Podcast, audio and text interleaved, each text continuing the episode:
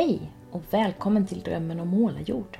En podcast om att följa sitt hjärta och sin inre kompass. Om att komma till sin rätt som människa och om att förverkliga drömmar. Jag heter Maria Estling Wannestål och i podden möter jag personer som brinner för olika saker. Som har vågat lyssna inåt och känna efter vad som är viktigt för dem. Jag inspireras av deras berättelser och tankar och det hoppas jag att du också ska göra. Det allra första poddavsnittet spelade jag in tillsammans med min bästa vän och emellanåt kollega, Sara Norby Wallin. Då var hon på väg att släppa taget om en fast anställning för att bli egenföretagare på heltid. Och vi reflekterade över hur den inre kompassen kan komma till användning när vi vill staka ut nya riktningar åt oss. Sen har Sara och jag mötts här i podden i samband med varje årsskifte, avsnitt 13 och 41. Och nu gör vi det för tredje gången. Framförallt för att reflektera över året som har gått och vad vi vill ta med oss från det i form av guldklimpar, utmaningar och lärdomar. Men också för att visionera lite kring året som kommer. Som utgångspunkt brukar vi använda reflektionsmaterialet Unravel your year som jag nämnde även i det förra poddavsnittet. När du lyssnar kanske du också vill passa på att reflektera över vad du själv tar med dig från 2017 och hur du tänker kring ditt 2018. Kanske hittar du paralleller till det vi pratar om eller helt andra tankar och känslor. Varmt välkommen till Saras köksbord i Storkeboda.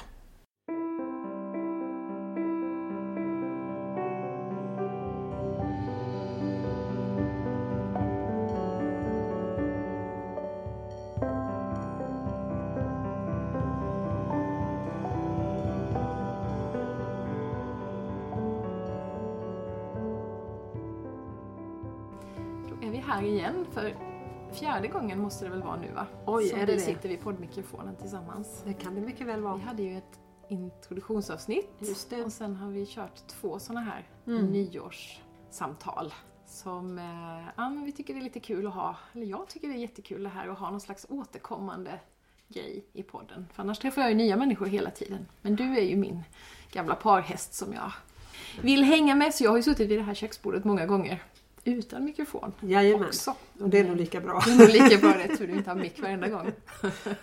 Det är inte så att det alltid kommer massa kloka saker från oss, men det är, ganska ofta gör det väl det ändå.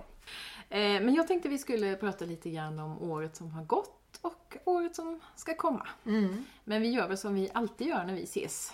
Det vill säga, vi börjar med en liten incheckning. Yes. Så hur är det att vara Sara just precis idag den 9 januari 2018?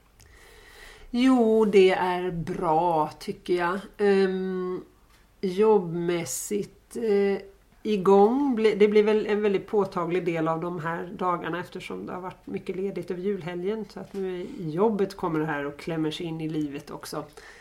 Och det tycker jag funkar rätt så bra. Och sen måste jag bara säga att jag, det var någon på Facebook som delade att incheckningen har kommit in på mjölkpaketen. Oho! Att det var ett bra sätt att börja samtal både professionellt och privat. Så Yes. att eh, det var jag tvungen att lajka mm, ordentligt. så. så eh, 2018 blir ett intressant år tror jag. Och eh, jo, men jag är igång.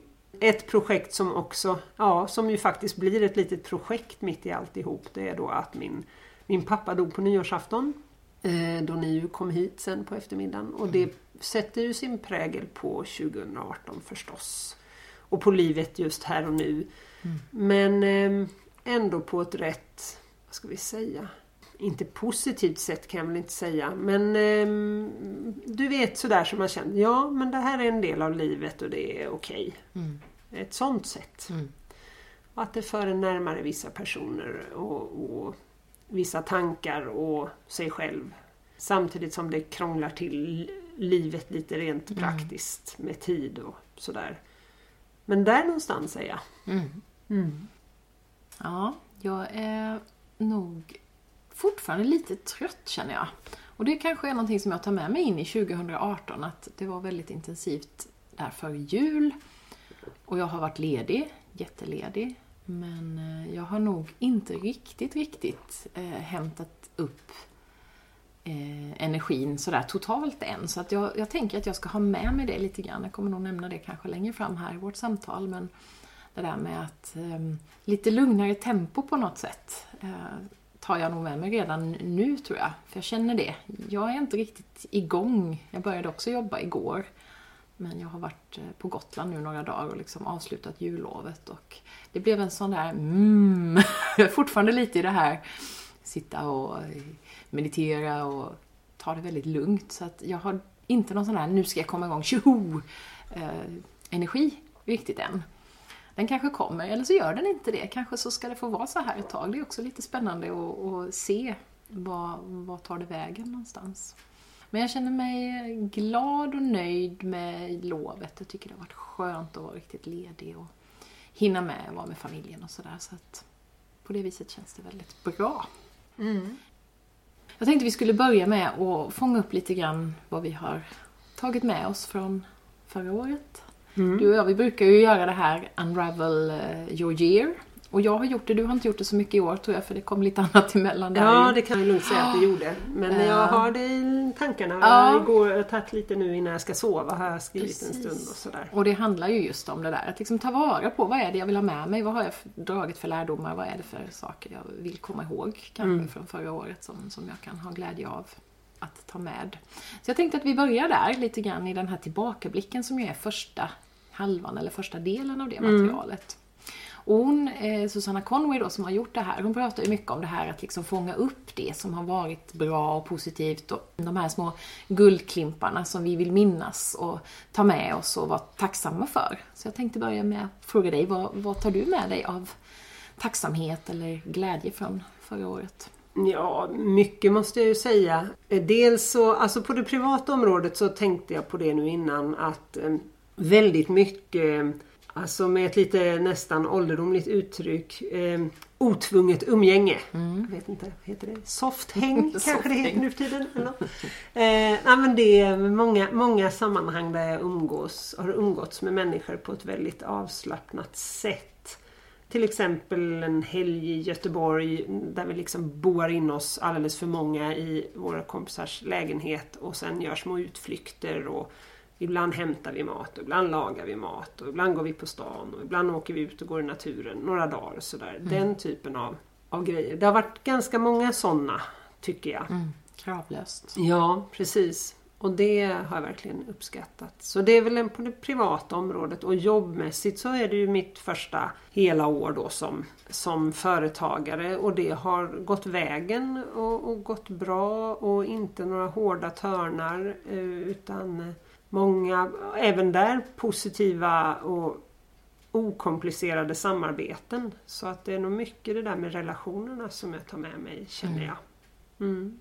Har du några sådana där speciella stunder eller ögonblick eller nå- något sånt? Som. Mm, ja, jag tänkte på det med, med em, den här helgen i Göteborg. Mm. Vi brukar ju skriva ett julbrev och de där otvungna sakerna som är sådär enkla, de har en tendens att inte komma med där Nej. för att de är liksom lite för enkla och omärkvärdiga. Men jag tänkte verkligen på det, att det var en sån, det var så skönt och avslappnat och ibland lite djupare samtal och ibland lite trams och sådär då vi, i vår familj då med döttrar på 16 och 18 var hon ju då. Men tillsammans med en annan familj kan man säga med, med barn i eh, döttrar i samma ålder. Så att de har sitt och sen blir det ändå det att man sitter och käkar ihop middagarna då med och har utbyte av varandra när de börjar bli em, ja, mm, stora på det sättet. Liksom. Mm, att man kan ha de där Ja, samtalen ja. Och sen när de tröttnar på oss så går de och gör något annat. Eller, så. eller tvärtom kanske. Men, nej, men det är nog en, den, flera av den helgen kommer jag ihåg mycket. Ja, och sen kan jag väl ta, tänka på ett av, som sagt, många goda samarbeten.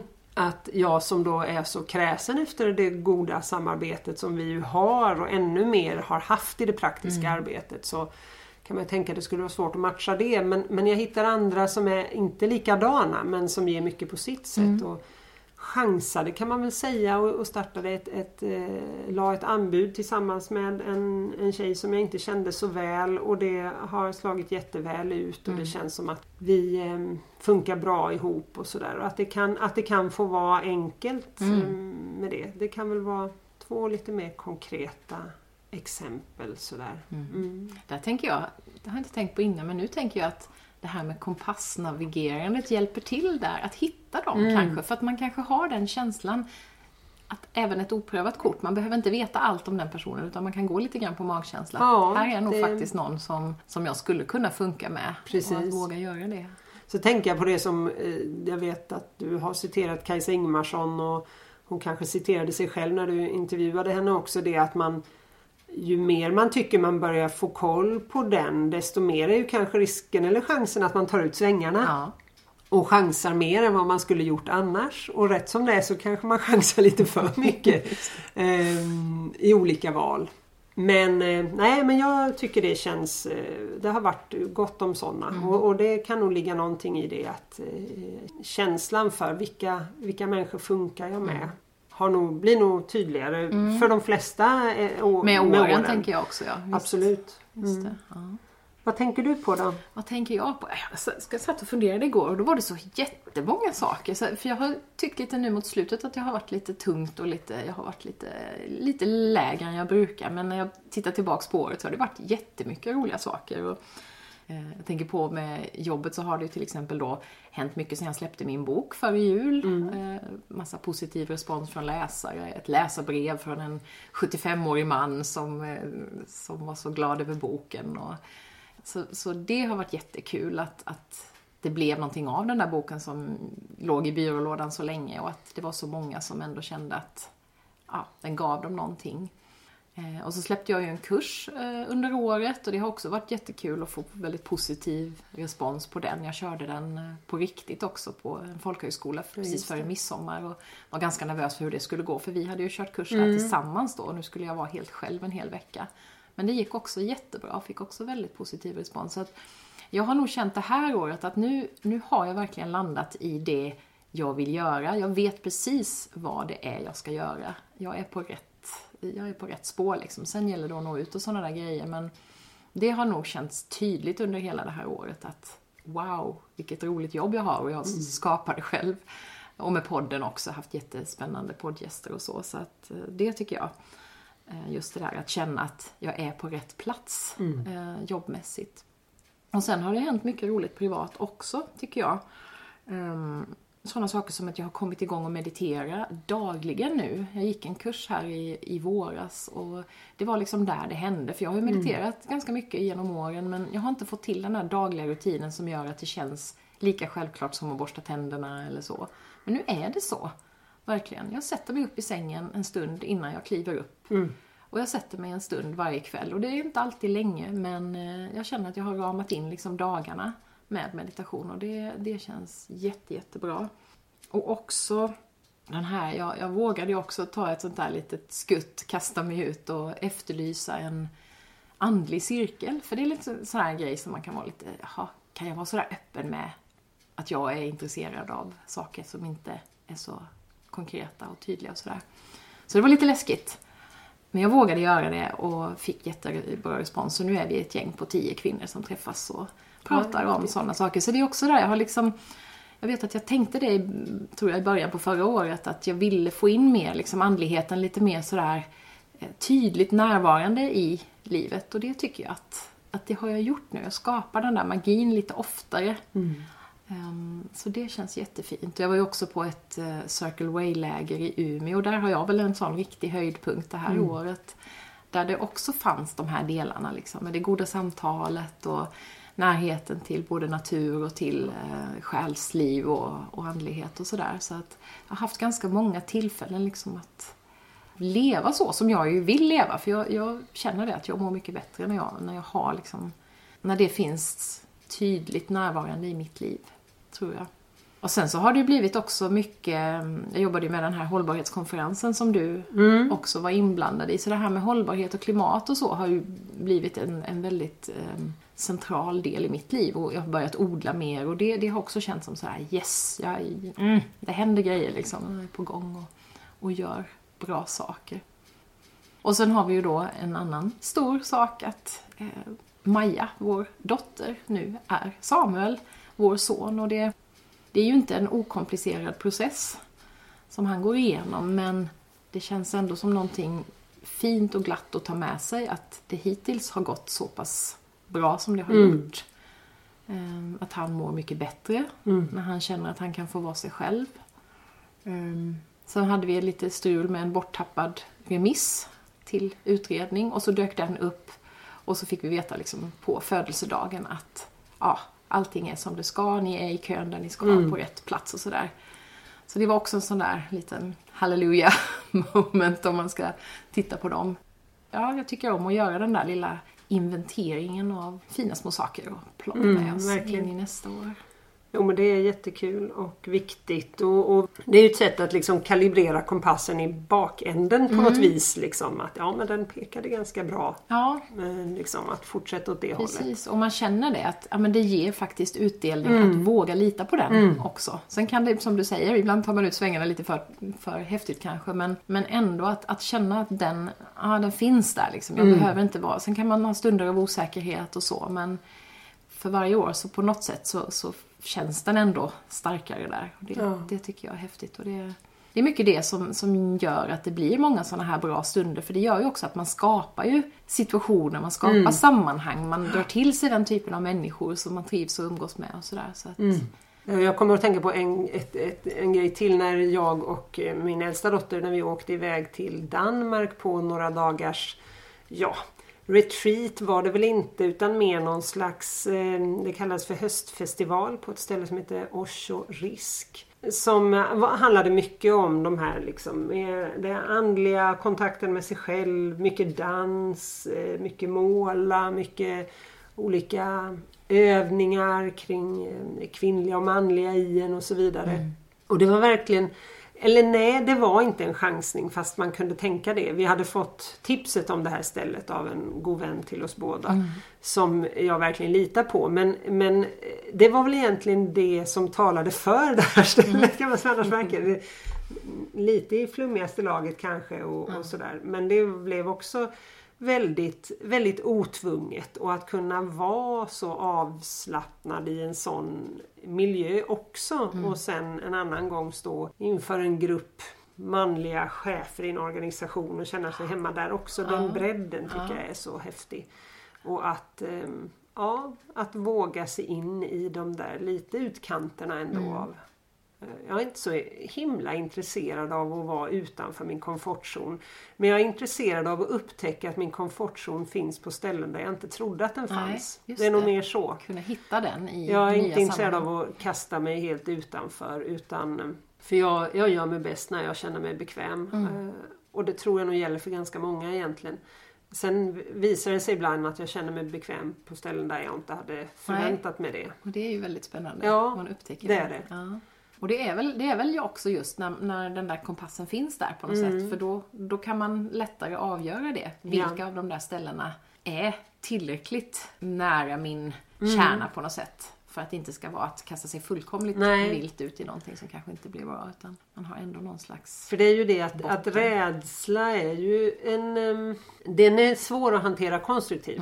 Man måste vara väldigt... eh, Ha en väldigt nära relation med sin rädsla om den ska kunna få en att fortsätta komma till sin rätt. Liksom. Det kan vara att man då vågar visa sin sårbarhet eller vågar säga att åh jag tycker det här är läskigt. Då, då kan det funka. Men annars tycker jag att för mig är inte rädsla någon... Och är jag för långt utanför min komfortzon då blir jag ju rädd. Ja. Det hör ju till liksom. Ja, just det. Ja, Ja, utmaningar då? Har du haft några sådana? Eller har ja. det glidit ut för eh, vattenrutschkanan här genom hela 2017 tycker du? Eh, det är det jag tänkte ska göra 2018 när vi kommer till det. Nej men ehm, eh, det jag, tänker är väl att jag eh, jag kan känna att jobbet har tagit lite väl mycket plats i mitt huvud. Men jag tycker samtidigt det är okej med tanke på det, vilket år det var. Liksom. Men eh, jag vill egentligen ha ganska mycket fokus på andra saker också. Och, och att min sommar kände jag dels blev lite kort för jag hade inte en tanke på att jag skulle behöva freda den och jag hade nog kanske inte velat göra det ändå eftersom det var mitt första år som företagare. Men jag kände att det blev em, det var jobb både ganska sent i juni och tidigt i augusti.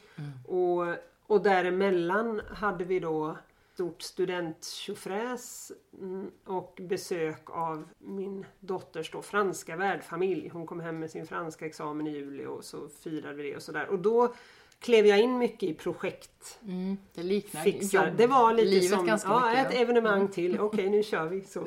Så därför var jag lite, jag var som du beskriver, eller kanske egentligen lite mer sliten än så Mm. efter sommaren. Sen tycker jag att det har hämtat upp sig ändå på något vis. Ehm, I alla fall nu efter jul och så. Men Mm. ehm, ja, så det har varit utmaningar och att det blir svårare att avgränsa jobbet. Jag menar jag sitter vid det här köksbordet och Mm. både jobbar och har liksom min fritid och eh, det är svårare att stänga av och gå hem och så. Mm. Så att det, det blev jag medveten om att det kommer jag att behöva göra. Ja, just det. Har du funderat på det och skaffa några sådana här rutiner liksom för... Alltså jag läste någonstans det här med att ha en tydlig avslutning på dagen. Mm. Att man avslutar arbetsdagen på ett... Med, det gör man ju naturligt om man jobbar på ett kontor och ska hem. Om inte annat så blir ju liksom transporten hem blir Mm. ju en ritual som betyder nu jobbar jag för många, inte för alla. Men nu avslutar jag jobbet och nu Mm. åker jag hem.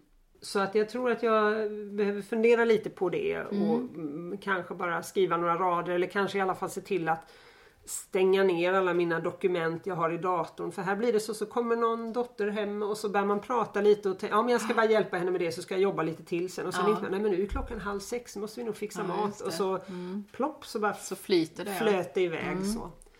Så där, ehm, där finns en utmaning. Jag tänkte på den här eh, som jag läste om, jag vet inte om jag pratat om den tidigare i podden, men den här 1800-talsförfattaren, jag vet inte vem det var, nog inte Strindberg men någon annan, Ja. som, som jobbade hemma då och skrev, men som tog på sig hatt och rock och käpp Just och så gick det. han ett varv runt kvarteret och så kom han hem och Just då var det. på jobbet. Just det. Och lite det där symboliska liksom, att Ja. eh, sätta i ramar. Vi pratade lite om det i poddavsnittet med Emilia Linderholm också. Just det. Det här med att när hon går ut i sin ateljé, då är det jobb. I början så var det någon slags, det flöt lite, Ja. barnen var där och lekte och sen kom hon på att nej men det funkar inte riktigt bra så. Nej. Utan det här är inte en lekhörna utan det här är min arbetsplats och då ska den vara det också. Så Nej men det tror jag att jag får jobba vidare med. Och det, mm, så, mm, så det är ju lite, om, om det är någon utmaning så är det väl lite den här honungsfällan eller så. Att det är ju väldigt roligt att etablera det här egna och så. Och jag behöver hålla lite ramar för det så. det. Vad tänker du Maria? Vad tänker jag? Jo, jag tycker nog att det här har varit ett år där jag har lite grann halkat tillbaks i oro och eh, lite osäkerhet. Inte som sagt om vad jag ska göra, för det har känts jättetydligt. Det är detta jag vill. Men det här, ah, hur ska jag kunna leva på detta då? När det inte går så bra som man tänker sig alltid. Som, jag var ju med på TV då med min bok och så tänkte jag att oh, nu kommer jag sälja jättemycket böcker och så gjorde jag inte det. Eh, och jag har också inte haft jättemånga som har köpt kursen och sådär. Hur får jag någon slags ekonomi i det här? För jag har ju det ganska bra än så länge med mina inkomster från gamla, eh, inte synder, var nära att säga synder, men meriter då. Att jag skrev eh, de här läromedlen för ett antal år sedan och de tickar ju fortfarande in men hur länge kommer de att göra det och när kommer jag kunna leva på det jag gör idag helt och hållet? Och det har jag grubblat på ganska mycket eh, det här året. Lite mer än vad jag vill egentligen för att jag har ju haft det hela tiden men det är lite sådär när tiden går också och det inte riktigt, riktigt lossnar sådär. Då är det, sen tycker jag att ja, men ja, det öppnar ju sig dörrar både här och där och vi klarar ju oss, det är ju inga problem. Men eh, det har jag känt som en utmaning att våga, våga tro på att jag är ju så, jag vet ju det. Kompassen säger ju att det här är så rätt, så rätt, så rätt. Men hallå universum, var är stålarna då? Ja, precis. Man ska kunna leva på detta. Och jag vill verkligen inte bli rik eller liksom så framgångsrik så att det blir nå- så här, att jag inte hinner leva eller någonting sånt. Men jag vill kunna känna att jag kan slappna av och ja, men vi klarar oss, det är lugnt liksom. Och om det händer någonting och sådär också. Så det har väl varit en, en utmaning. Sen har jag också haft lite det här med, med gränser och ja, dels mellan jobb och, och fritid. Jag har också jobbat lite för mycket emellanåt. Eh, Men också det här att sätta gränser för mig själv gentemot andra i förhållande till att till exempel ta ordentligt betalt för saker och ting. Eh, ja, men så här, man får förfrågningar om jobba gratis. Både från, ja det kan vara bibliotek som tycker att man ska komma och föreläsa gratis. Det kan vara eh, bekanta som gärna vill ha hjälp med saker men inte gärna vill betala. Alltså lite sådär att, att jag har känt att det får inte bli för mycket sånt. Eh, lite grann är okej men det blir lite så också när man blir mer, man får mer kontakter, man blir mer offentlig. Att det är fler som vill ha av en på något sätt. Och där har jag känt att jag behöver träna på att sätta Mm. gränser. Så det har varit en utmaning att, att våga ibland och säga att nej tack, men Mm. det här kan jag faktiskt inte hjälpa till med. Under de premisserna. Och sen privat tycker jag att jag har, jag har brottats med min onda ljumske nu jättelänge. Det är en sån här Ja. utmaning när, när jag känner att jag inte, när kroppen inte riktigt är med så att jag kan leva så som jag vill. Jag vill röra på mig, jag vill vara ute och springa och sådär. Eh, Och så har det inte funkat riktigt. Det, det tycker jag är en utmaning att hålla ut och försöka liksom inte ge upp där. Och nu har jag gått till en sjukgymnast och börjat få hjälp och tror att jag håller på att få rätt sida på det. Men, Ja, men det, det har varit en utmaning under, ja inte bara detta året utan Nej. två och ett halvt år egentligen nu då som Ja. jag har gått med den här. Eh, Och inte, jag har känt mig begränsad helt enkelt i det. Ja, sen, sen tycker jag en utmaning just nu det är också att hålla det här hoppet liksom att Ja men när det händer så mycket elände i världen och man ser så mycket skräp omkring sig och så många människor som inte verkar bry sig eller som kanske bryr sig men inte orkar ta tag i saker och ting och fortsätter leva på precis som, som man alltid har gjort. Och det ena knasiga från Donald Trump efter det andra och så här. Alltså det, det är ju lätt att, att känna sig verkligen. lite uppgiven och det kan jag se som en, det tycker jag har blivit en större utmaning. Att eh, hålla kvar det där hoppet liksom och, och tron på att ja, men vad jag gör ändå gör någon skillnad och så. Eh, men jag är, jag är jätteenvis där. Jag tänker inte ge upp men, Nej. jag känner att jag får jobba mer aktivt med att hålla ihop det på något sätt. Eller hålla ihop mig i det. Det tycker jag har varit en tydlig utmaning egentligen de senaste två, två åren är det nog som det har känts så starka. Jag, jag hade nog lättare för att liksom lite grann hålla det ifrån mig och vara mer i min egen bubbla tidigare. Just Men det har kommit så nära inpå, tycker jag, de senaste åren. Och... Det tänker jag också det du sa att det, det kan också vara en sak som händer i och med att man utvidgar Ja, sina nätverk och man precis. får man möter människor som själva är djupt engagerade Mm. eller för den delen drabbade av olika slag saker men, men inte minst det här alltså man möter eldsjälar som, eh, som vi har ju jobbat och tillsammans med vår gemensamma vän Lisa Moreus en del Mm. i, inom ideell sektor där människor kämpar för att inte, inte gå sönder för Nej. att deras engagemang håller på att liksom få dem att explodera inifrån. Liksom. Eh, och, eller bli utmattade. Och det blir också en påminnelse hela tiden att där är de, var är jag i förhållande till detta Ja, och var visst. är andra omkring mig.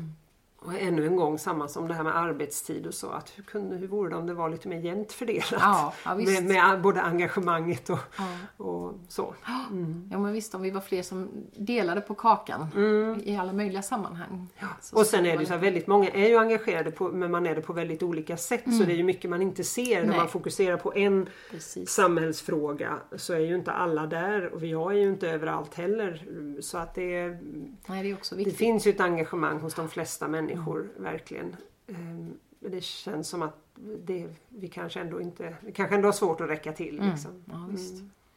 Vad har vi lärt oss då av det Mm. här året tycker du? Har vi någonting som vi liksom tänker att ah, här har jag lärt mig någonting om mig själv eller om världen eller om... Ja, men något som jag tänkte som jag hade med lite bland de här guldklimparna eller, eller de här positiva sakerna är att jag tycker att jag har märkt en sak som jag var orolig för när jag skulle börja företaga och så vidare. Det var att jag kände att jag inte var... eh, Jag är ännu mer tänkare än görare om man säger Ja. så. Och att, eh, att jag skulle ha svårt för att komma loss och göra. Alltså vara en doer liksom. Mm.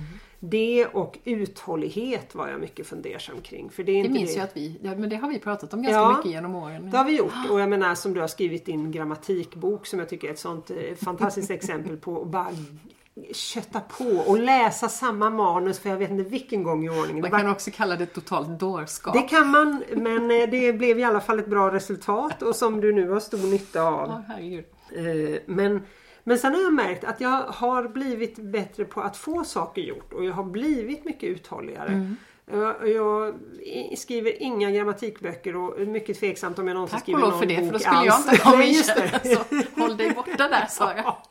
men, men just det där att jag känner att jag har liksom fått till mig mer av det utan att behöva tvinga mig till det. Mm. Men det jag märker då är att om jag blir mer av en doer och, och snabbare då finns en risk att andra inte hänger med. Jag märkte det lite när vi planerade det här studenttjofräset för min dotter. Vi lagade all mat själv. Dagen innan skulle hon komma hem med sina franska värdföräldrar och liksom Det var mycket, många listor och sådär liksom. Och hur jag någonstans i det tappade min man lite grann. Att han inte kände att han var med på båten. Och det är ju, väl, det är ju precis det jag sa nyss att vi inte ska hamna i. Att någon driver stenhårt och någon annan helt till och med ofrivilligt hamnar bredvid. Mm.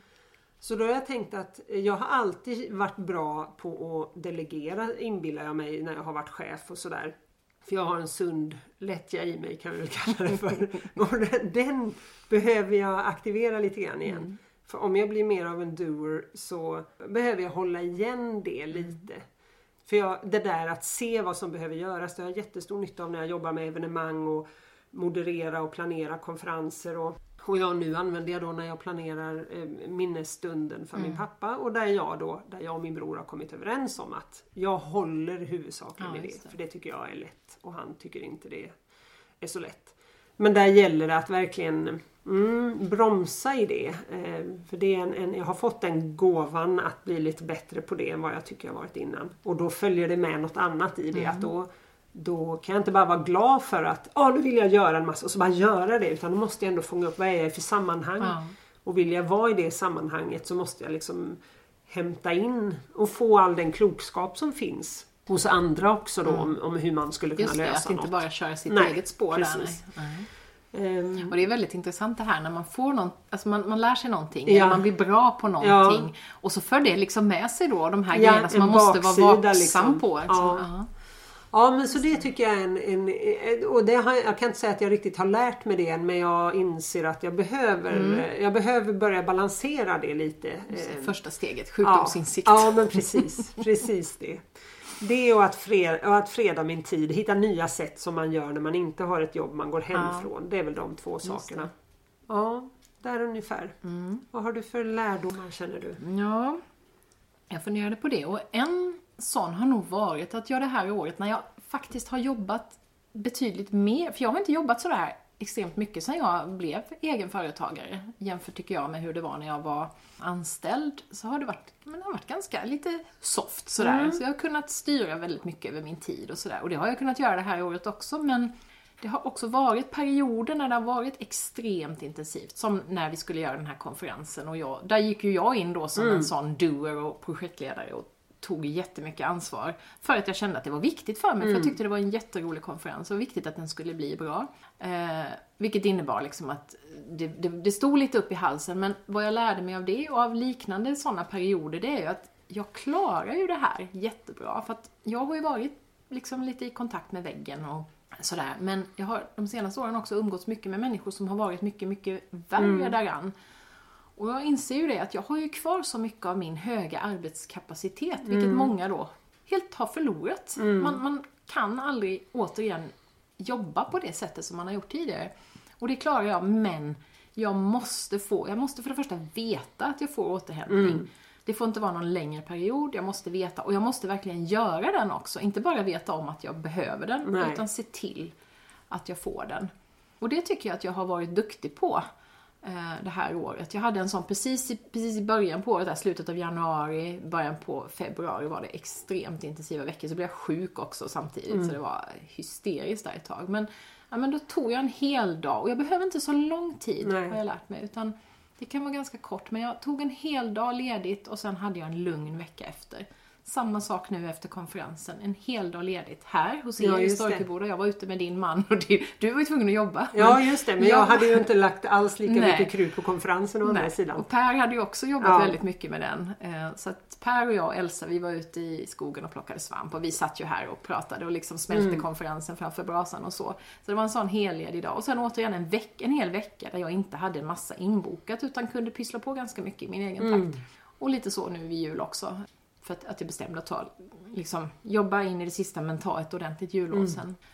Och det är en ganska skön känsla. Att jag, att jag känner mig själv så väl så att jag vet att jag kan ha de där arbetstopparna. Nu vill jag inte ha så många som det blev det här året. Det blev Nej. tre sådana, kan man väl säga då, toppar det här året. Och så många är jag inte intresserad av att ha. Det kanske kan vara en per år. Ja. Men jag vet att jag fixar det. Men jag måste se till att slappa till det Ja. efteråt. Jag kommer att tänka på nu, någon som du och jag har pratat med kommer jag ihåg, men jag kan inte komma på vem det var. eh, Som också hade väl erfarenhet av utbrändhet tror jag och som sa just att när hon eh, om hon till exempel åker iväg en helg så lägger hon alltid in en ledig dag Ja, efteråt. Och sådär. det. Och det kommer jag ihåg, en, en höjdpunkt på året var för övrigt också när Per då fyllde 50 och Mm. hade ordnat det väldigt bra och vi, vi var mer jämsides som projektledare Mm. i det och lagade massa mat och vår kompis Lena var här och vi hade storkök och lagade mat inför det och sådär. Men där var det ju så att där hade ju han då tagit ledigt på måndagen efter Mm. Och satt du vet och skickade ut de där recepten och spellistorna och det som folk ville ha och kvarglömda grejer och lånade visst. saker. Och liksom, men i lugn takt och Ja. sådär. Och det är ju jättebra. Så det tänker jag, vi har precis bokat en fjällresa. Jag ska försöka fredag en eller ett par dagar efter man kommer Ja, hem. Och, just det. Ja men så. Det kan man ju ändå göra i förväg. Sen kanske det inte alltid håller den planen men eh, att ändå ha det med. Mm. Och inte bara tänka, ah, så kommer jag hem söndag kväll klockan 22.30 och sen på måndag klockan Så halv nio jag- så har jag ett jättetufft uppdrag. Ja. Liksom. Nej, och det, där har ju både du och jag den fördelen som egna företagare Ja, också. Att vi absolut. kan styra. Och det har jag tänkt överhuvudtaget som en lärdom att, att inte boka in för mycket. Jag har till exempel bestämt nu att jag ska ha vissa dagar när jag jobbar hemma. Att vissa Ja. dagar ska jag faktiskt, det får inte bli så att jag har Nej. ett möte varje dag liksom. Nej. Utan nej, försöka koncentrera dem och sen så kunna jobba, ha de där helt tomma Mm. dagarna. Ehm, för det tror jag också är ett sätt att liksom andas lite lugnare som gör att man orkar med de där. Så att, mm, det, och det är ju det. Det är ju både bak och framsidan av att vara egen företagare Ja, då. Att å ena sidan så kan du styra väldigt mycket själv. Å andra sidan så är det mycket som är roligt, det är mycket som känns viktigt och ja, det är lätt att liksom gå in i det och, och ta Ja, i lite och det man kan känna, ja, men jag kanske ska sitta och läsa det här nu på kvällen så har jag ju mindre imorgon. Och, Mm. Ja. För det kände jag, jag har ju aldrig jobbat mycket på kvällar och så men eh, nu före jul gjorde jag det en del och ja och nu satt jag igår också men då kände jag samtidigt, ja men då hade jag varit på begravningsbyrån på dagen Ja. och tagit ett yogapass här hemma och sådär. Ja men då var det väl okej vara att okej. jag Ja, precis. satt och grejade på kvällen. Mm. Och det, är också, det har ju också med det här med gränser att Mm. göra. Att, att veta att, att inte heller bli så rabiat. att Man Nej. sätter upp gränser som man inte mår bra av. Nej. För det kan ju finnas Utan att kunna det. Utan- använda finessen med det här. eh, Ja, med det här, gummibandet ja. som töjer lite här och Men där. att Liksom. man behöver vara verkligen, man behöver vara vaksam på sig själv och lite sträng ibland mot sig själv på det viset Ja att det är man där stänger. snällstränga Ja, på något sätt. precis, som som vi hade som ett tema, som du tyvärr missade, men som vi hade som ett tema i vår livsstilscirkel Ah. en gång. Det här med när är jag sträng mot mig själv, när jag är just snäll. Det. Och då kom vi fram till det att ibland är det ju så att vara lite sträng mot Ja. sig själv är ju att vara snäll Ja. mot sig själv. Man, man sätter lite gränser och man, man gör Ja. de där sakerna som, som man faktiskt mår Mm. bra av. Ja. Och sen har jag ju också konstaterat, på tal om det här med komfortzoner och rädsla, att fasen vad modig jag är. Mm. jag har kommit på mig själv flera gånger just när men jag har skrivit till poddgäster som jag aldrig trodde jag skulle våga kontakta och ja, men jag har gjort flera sådana grejer. Mm. Liksom. Ja, men den här konferensen var ju också lite en sån grej för jag Ja. kom ju med i omställningsrörelsen bara ett år innan så jag kunde ju verkligen ingenting. Nej. Och I början kände jag, när jag satt på de första mötena så kände jag mig som ett litet UFO. Oh, här sitter alla de här klimatexperterna och vet Ja, allt om allt och jag vet ingenting. Jag bara tycker en massa saker utifrån hjärtat men jag Ja. kan liksom inga faktakunskaper.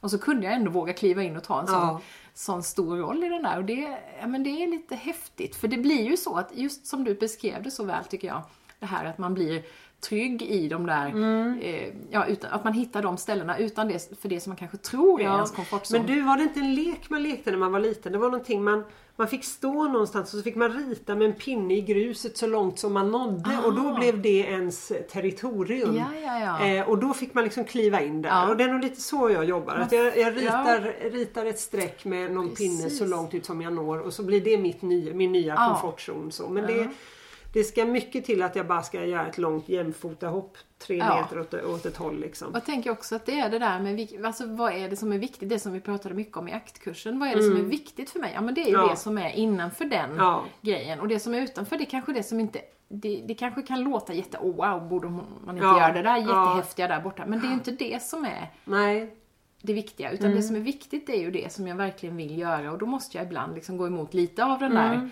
eh, rädslan. Eh, men inte för långt ifrån Nej. för då är jag för långt från kärnan på något sätt. Ja men kanske. precis, att det, är- och det kan vara, säkert vara olika för olika människor. Att en del liksom kan uppskatta det. Jag tänker på sådana här program när här äventyrare blir nedsläppta någonstans var som helst utan Ja, karta. Och det var någon galen norrman vi tittade på några gånger. Och, och så försöka ta sig till civilisationen Mm, då. Och det, men det är inte mitt sätt att jobba känner Nej, jag. nej. Vi rör oss inom lite lagom komfortzoner. precis. Nej, och jag tänker också på det här med, jo men det är nog också en lärdom jag tar med mig det här året, det här att ännu tydligare sätta gränser för mig själv när det gäller i vilka sociala sammanhang jag vill verka. Som det här att jag inte trivs på mässor till exempel. Det Nej. är någonting som man bara, det bara utgår man ifrån. Är man författare då ska man ut på Ja, det. mässor och marknader och signeringar och hit och dit. Och jag kommer, det är ett sånt ställe där jag inte kommer till min rätt. Nej. Då ska jag inte vara där. Jag ska inte Nej. vara på sådana här mingelgrejer för företagare. Nej. För det tycker jag är för det första skittråkigt och för det andra så blir jag en liten grå mus som står i ett hörn och gömmer mig. Nej men då är det ju inte där jag ska vara. Och så hitta istället då de här sammanhangen där man kan blomstra och så. Ja. Ja, så, och för där kan ju det vara då, oh nej men nu borde jag vara där fast jag är jätterädd. Nej men då kanske jag inte borde vara det. Nej. Då kanske den rädslan är en sund rädsla. Ja, Eh, att det är en signal. att det är en signal från eh, mm, kompassen Ja, tänker jag då. precis. Eh, där tänker jag på mm, den här boken Drömliv som vi har Mm. läst båda två. För det är ju ganska svårt det här med de där signalerna ibland. Vad är det nu för någonting när jag känner en rädsla? Mm. Är det någonting som jag bara ska ta mig igenom för att Mm. här finns det någonting viktigt? Eller är det en rädsla som faktiskt säger någonting om vad jag inte ska göra? Man pratar ju om egot och själen Mm. Ja, där som de här det. två. Eh, och det, det är inte så himla lätt alltid att, avgöra det men jag kan tycka att det blir lättare eh, ju mer man jobbar med det och med åren kanske också. Ja. Att avgöra vilka av de här rösterna är det jag ska lyssna Ja, på faktiskt. verkligen. Och blir det så att säga ja, inom citationstecken fel så blir det ju något bra av det också på det viset. Att Ja. man, ja okej, nej det kanske inte är. Nu har jag testat det här med mingelpartyn tre gånger och det har inte ändrat sig så det är nog kanske liksom... Dags att ge upp ja, det. precis. Du, jag tänkte också innan vi avslutar den Mm. här tillbakablicken, ditt ord från förra året. Det var Ja. ju, jag tänker på vippgubben men det var det ju inte utan det Nej, var ju tyngdpunkt. Just eller? det. Har du känt att du har haft med det ordet eller hur har du? Jag kan, har inte tänkt jättemycket på det så. Men jag tror ju att det jag har gjort mycket har ju varit att, att bygga en grund för, om man då ser yrkesmässigt, liksom, att bygga fundamentet för det som är, hur jobbar jag egentligen och vad, vilka uppdrag och så. Och jag är fortfarande väldigt öppen för typ av uppdrag och det kanske jag kommer att förbli för det, jag tycker om den omväxlingen och så. Men något som fanns med såg jag när jag tittade i häftet från förra året var mycket att liksom hitta vad är mitt sätt att jobba? Det här som jag märker då när jag har jobbat med Lisa Moreus till exempel som har varit konsult längre än jag. Eh, sådär när hon säger, ja men jag brukar göra så här. Och så har jag tänkt, hmm, vad brukar jag? Ja det vet jag ju inte riktigt. Nej, Men nu börjar jag ju känna det här, att jag har det där, lite grann av det. Mm. Sen när man tar många olika uppdrag så blir det ju ofta man hamnar någonstans där man aldrig har brukat någonting. Mm. Men ehm, jag känner nog att jag har, och jag hade också en tydlig önskan där om att ja, men ändå söka min egen praktik. Liksom. Vad är mitt sätt att jobba? Så det sökandet har varit en viktig del i tyngdpunktsjobbandet på något sätt. Eller tyngdpunktsfokuset. Och där har jag då en höjdpunkt i sig är ju en utbildning jag har gått och går fortfarande i grupphandledning som jag känner verkligen, ja men där hittar jag väldigt mycket av det som kan vara min eh, tyngdpunkt med reflektion och samtal och, och ändå struktur och, och så. Så eh, jo men jag känner att det är jag hade nog kunnat ha många andra ord och ändå hitta dem i det här året. Eh, Men jag känner att tyngdpunkt har varit ett bra ord för 2017. Och vad hade du för ord? Jag hade ju närvaro. Just det.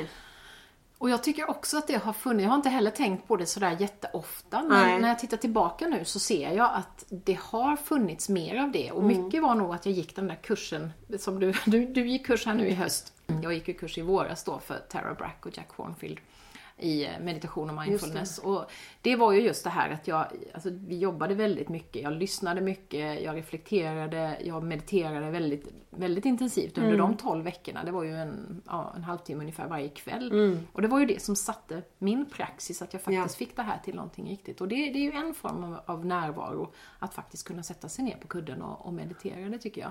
Eh, och sen i vardagen så tycker jag också det poppar upp här och där. Jag jobbar fortfarande jättemycket med det och har svårt ibland liksom att vara närvarande och fokuserad och sådär. Men jag tänker som det här att um, begreppet special time med barnen till exempel Mm. som jag hämtade upp ur, ur boken jag översatte förra året. Det här att vara närvarande med ett barn i taget på deras villkor, släng, Mm. släppa mobiler och allt sånt där. Och det har inte, jag har inte lyckats hålla att göra det varje vecka med alla tre barnen. Men vi har gjort det ganska mycket Mm. och varje gång jag är i det så känner jag mig väldigt, väldigt närvarande.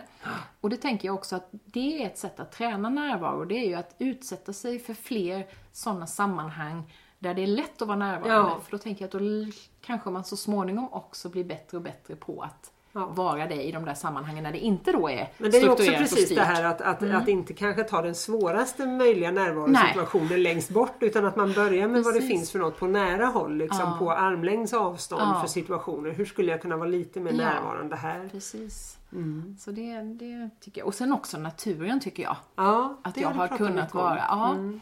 Att jag har längtat till den mycket. Jag har varit, jag har lagt mig fortsatt efter att jag gjorde det där eh, när jag var med Kajsa och vandrade Ja. förra hösten och la mig på myren i regnet. Så har jag fortsatt att gå och lägga mig Ja. på marken då och Ja. då. Och det är väl någonting, jag pratade med någon om det häromdagen, det här att jorda sig på något Ja, sätt. Att det har nog verkligen. varit ett sätt för mig att jorda mig under ett intensivt år som jag ver- verkligen vill ta med mig och fortsätta göra. Och nu precis här vid nyår så var jag, hittade jag ett träd hemma som jag var ute och kramade och pratade Ja. med som jag tänker dit ska jag gå då och då liksom och Ja. tanka lite energi. Och, nej men bara det där att jag vill vara i Ja. naturen på ett annat sätt, att jag ser mer. Jag går oftare till exempel i skogen utan att lyssna. Jag lyssnar Ja, fortfarande ibland på podd Ja. eller så men jag kan också gå och, och inte ha något Mm. ljud i öronen och ja men jag har gått utanför de vanliga stigarna. Det kräver en annan typ av Ja. närvaro. Det kommer du kanske ihåg också, vi pratade om på aktkursen det här att göra saker på ett nytt sätt. Ett nytt sätt, precis. Ehm, då, då måste vi, kommer vi till en ny stad så kan vi inte köra på autopilot Nej. utan då, då måste vi vara lite mer här och nu och så. Så att jag tycker att det poppar upp här och Mm. där och då tänker jag för varje år man liksom plussar på med något Ja. sammanhang där man har lite större eh, möjlighet för det här så, så blir det väl. Och så, så, kom, så liksom slår det mig då och då så här, hmm, jag tänkte på det, jag tror det var igår när jag var ute i pannrummet och eldade. Nu ska jag ta de här vedträden väldigt långsamt Ja, och lägga in dem. Och så liksom bara då och då kommer Ja, sådana där små. ja, det tänker jag, det hade det nog inte gjort om Nej. jag inte hade jobbat så pass Nej. strukturerat övningsmässigt. Då hade man inte kommit till det här vardagsnaturliga också. Så att jag tror att man kan ha nytta av att faktiskt Mm. ibland eh, gå in lite mer på djupet i någonting på ett mer strukturerat sätt för att få in det liksom mer naturligt i, i vardagen. Sådär. Jaha, nu är det 2018. Yay. Oh, har du hittat något ord? Ja, det har jag. Eh, och jag, det slår mig just att det är på ett sätt en motsats till det förra. Om tyngdpunkt är väldigt mycket gräva där du står och sådär. Så är då mitt ord för året är flöde. Och det tror jag handlar om att ehm, lite åka vattenrutschkana har jag tänkt mig då genom livet. Nej. Men det är någonting med det där att ehm, det finns många aspekter av det. För jag hade kommit på det här nu strax före nyår och så hände detta med min pappa då. Jag menar det är ju livets flöde på något sätt. Och jag tänker på den här Monica Zetterlund sången med nya röster sjunga och det, där är det ju också någon flod har jag för mig och, och så.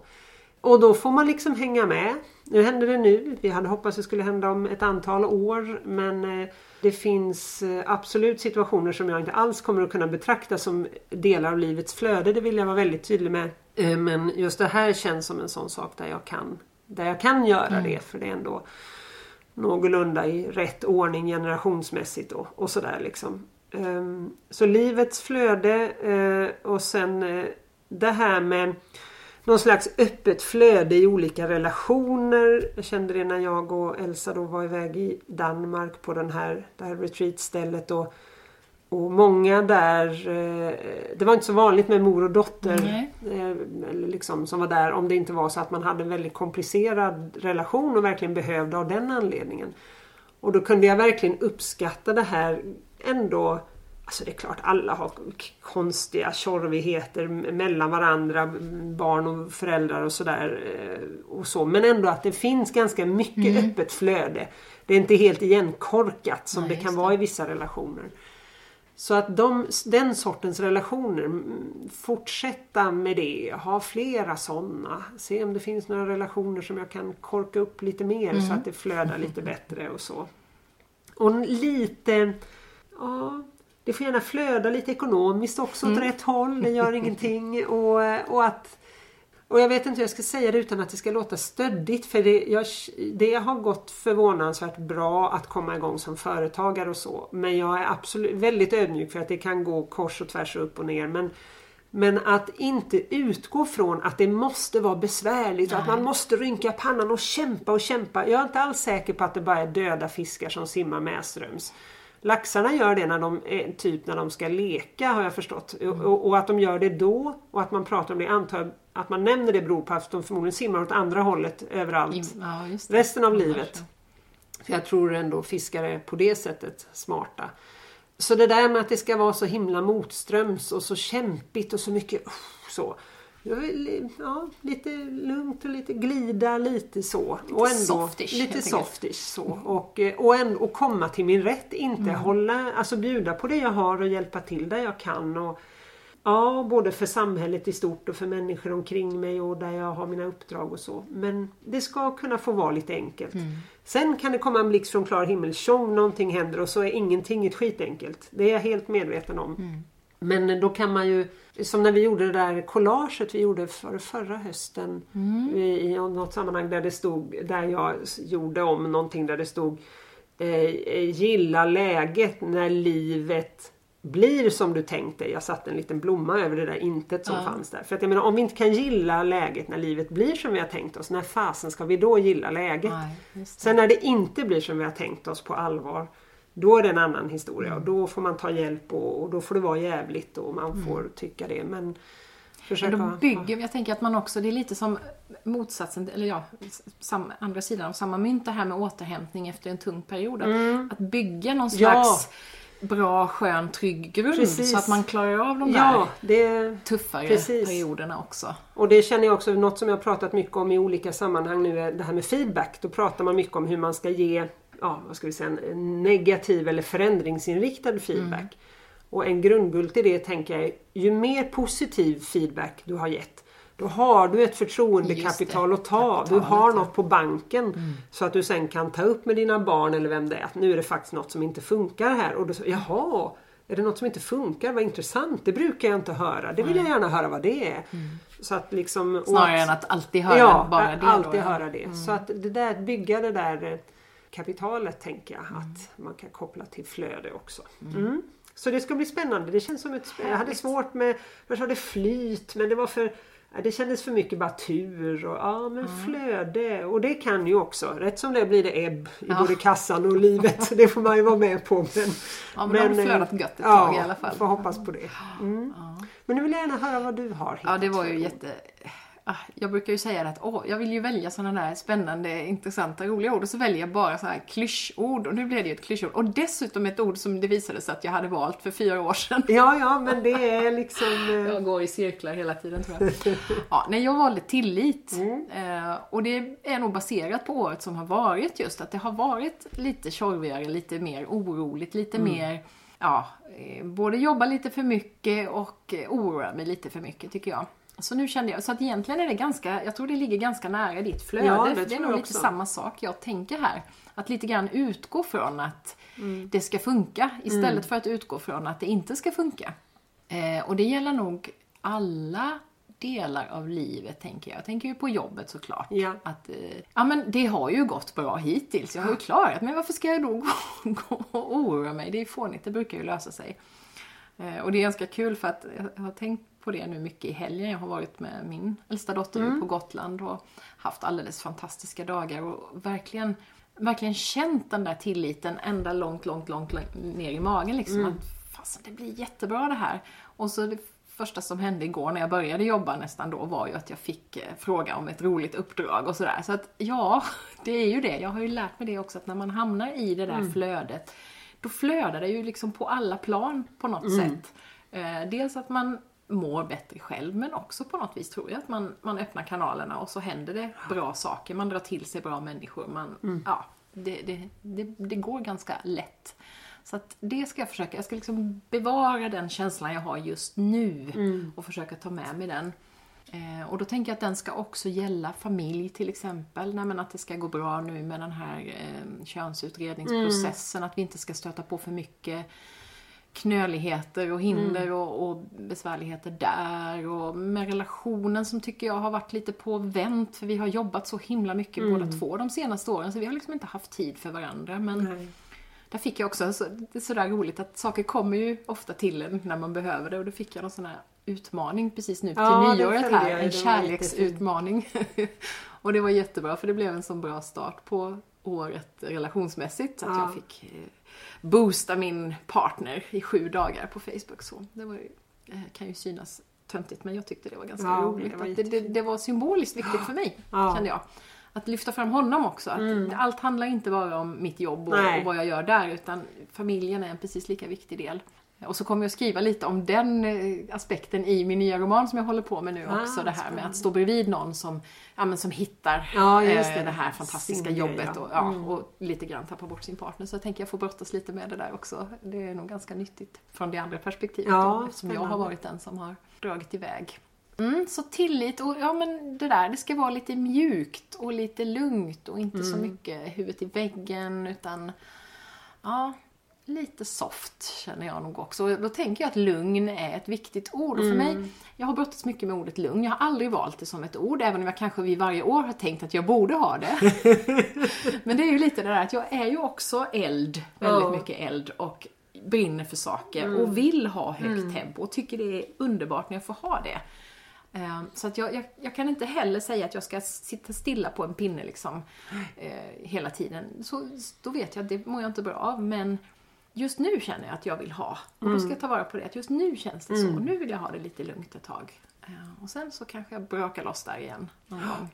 Eh, Jag pratade just med min förra poddgäst eh, Karin Leosson som kommer lite, lite efter det här avsnittet. Men hon pratade om att egentligen borde nyår vara vid mars. Ja, just det. Därför att eh, det är då som allting drar igång i naturen och det här är egentligen bara konstlat det här Mm. Ja, att, vi, ja. att vi nyårs. Så jag tänkte att jag ska låta det få vara så nu det här Ja, året. det. Att inte dra igång en massa Nej. saker här i början på året utan låta det vara lite lugnt, lite soft här Ja. ett tag så får vi se vad som händer i vår. Men jag kan tycka det är en fin symbolik på ett sätt att nyår är när det är som mörkast. Och så. Ja. Det, det, det är ju egentligen en påminnelse om att det kan få födas nytt, eller gro kanske Ja, snarare. Det är nu att det det, gror, gror, snarare precis. än att det är nu Ja. allt ska hända. Ja, och egentligen är det, om man tänker på naturens rytm och hur vi människor levde innan vi hade så, så mycket elljus och så, så var det ändå nu man kanske tänkte mycket på hur man skulle så och skörda Mm. i, i vår och i sommar. Men man gjorde det medan man satt framför brasan Ja. och tällde på en smörkniv. Precis, liksom. det fick fortfarande vara Ja. det där lugna och ja, bygga för någonting. För vi har ju, vissa år har vi haft typ så här fyra, fem sådana här nya Ja. året-event i olika konstellationer och det har ju ändå varit det har ju varit mycket att sitta och tälja på en pinne för det Mm. är inte då vi har gjort sakerna. Men ehm, Ja men det, jag tycker det kan passa bra ihop med våra ord faktiskt. eh, Att det, eh, Vi tänk- glider lite Ja, skönt in ja, i året här nu. precis. Ja, det Ja men det blir ju spännande nu när vi ses om ett år Ja då. det blir jättespännande. Så har vi haft världens värsta sådana kaosår. Kaos-januari kanske. Ja, det får vi, då får vi prata om det. Får vi Ja, se vad vi vi har göra. lärt oss av Det det. får vi göra. Tack Sara för att jag fick komma till Storkeboda igen och Ja, för att du ville prata med mig här. Mm, tack så mycket.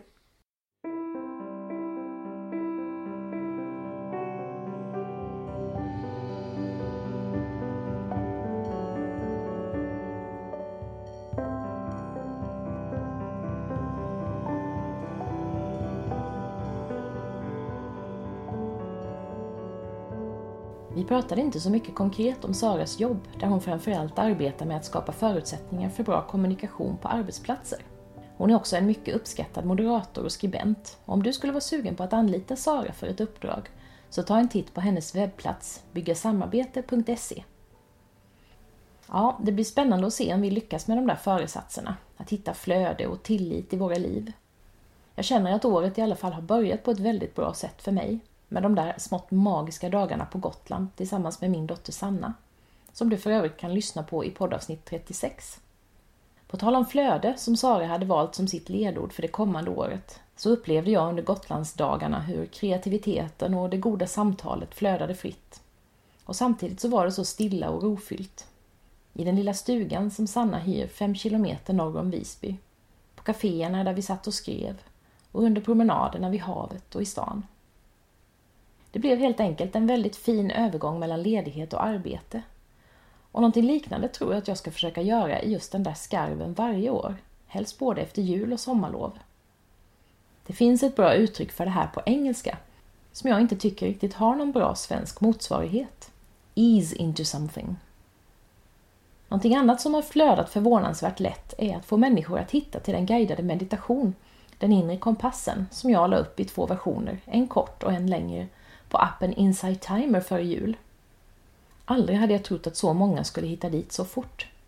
På de här veckorna har mina meditationer spelats sammanlagt över 700 gånger, lyssnats på av över 400 olika personer och jag har därmed bidragit till 125 timmars mediterande. Vilken häftig känsla det är. Och jag fick massor av idéer till nya meditationer när jag var på Gotland, så håll utkik framöver. Om du är intresserad av meditation och inte har använt Insight Timer ännu kan jag verkligen rekommendera dig att testa. Appen finns för både iPhone och Android-telefoner, är helt gratis och har ett fantastiskt utbud av guidade meditationer. Bland annat hittar du där Maria Ståhl som jag poddintervjuade i avsnitt 51 och Tara Brack vars kurs The Power of Awareness jag pratade om i samtalet med Sara. Har du funderat någonting över vad du tar med dig från 2017 och hur du vill att ditt 2018 ska bli? Kanske har du rent av hittat ett ord som känns lämpligt som ledord? Dela gärna med dig på Drömmen om målarjords Facebook-sida. Kanske känner du ett behov av förändring och känner att du skulle vilja ha lite mer stöd i ditt reflektionsarbete. I så fall finns min webbkurs Den inre kompassen som du kan börja med när du vill och läsa helt i din egen takt. Jag erbjuder också ett mer individuellt mentorskap i mån av tid. All information hittar du på deninrekompassen.se. Förutom att jobba med Unravel Your Year-materialet så har jag i år, för första gången på tio år, gjort ett nyårslöfte. Att jag ska försöka undvika att flyga helt tills det finns ett mer hållbart sätt att göra det. Läs gärna om hur jag resonerar i Drömmen om Målarjords blogg. I nästa poddavsnitt ska du få möta meteorologen Martin Hedberg som arbetar med att göra vetenskapliga resultat inom just klimatområdet tillgängliga för såväl individer som organisationer och företag. Väldigt spännande för en person som mig, som visserligen tycker och tänker mycket, men egentligen kan väldigt lite och mest utgår från hjärtat i mina val. Missa inte det! Tack för att du har lyssnat idag och varmt välkommen tillbaka. Hejdå!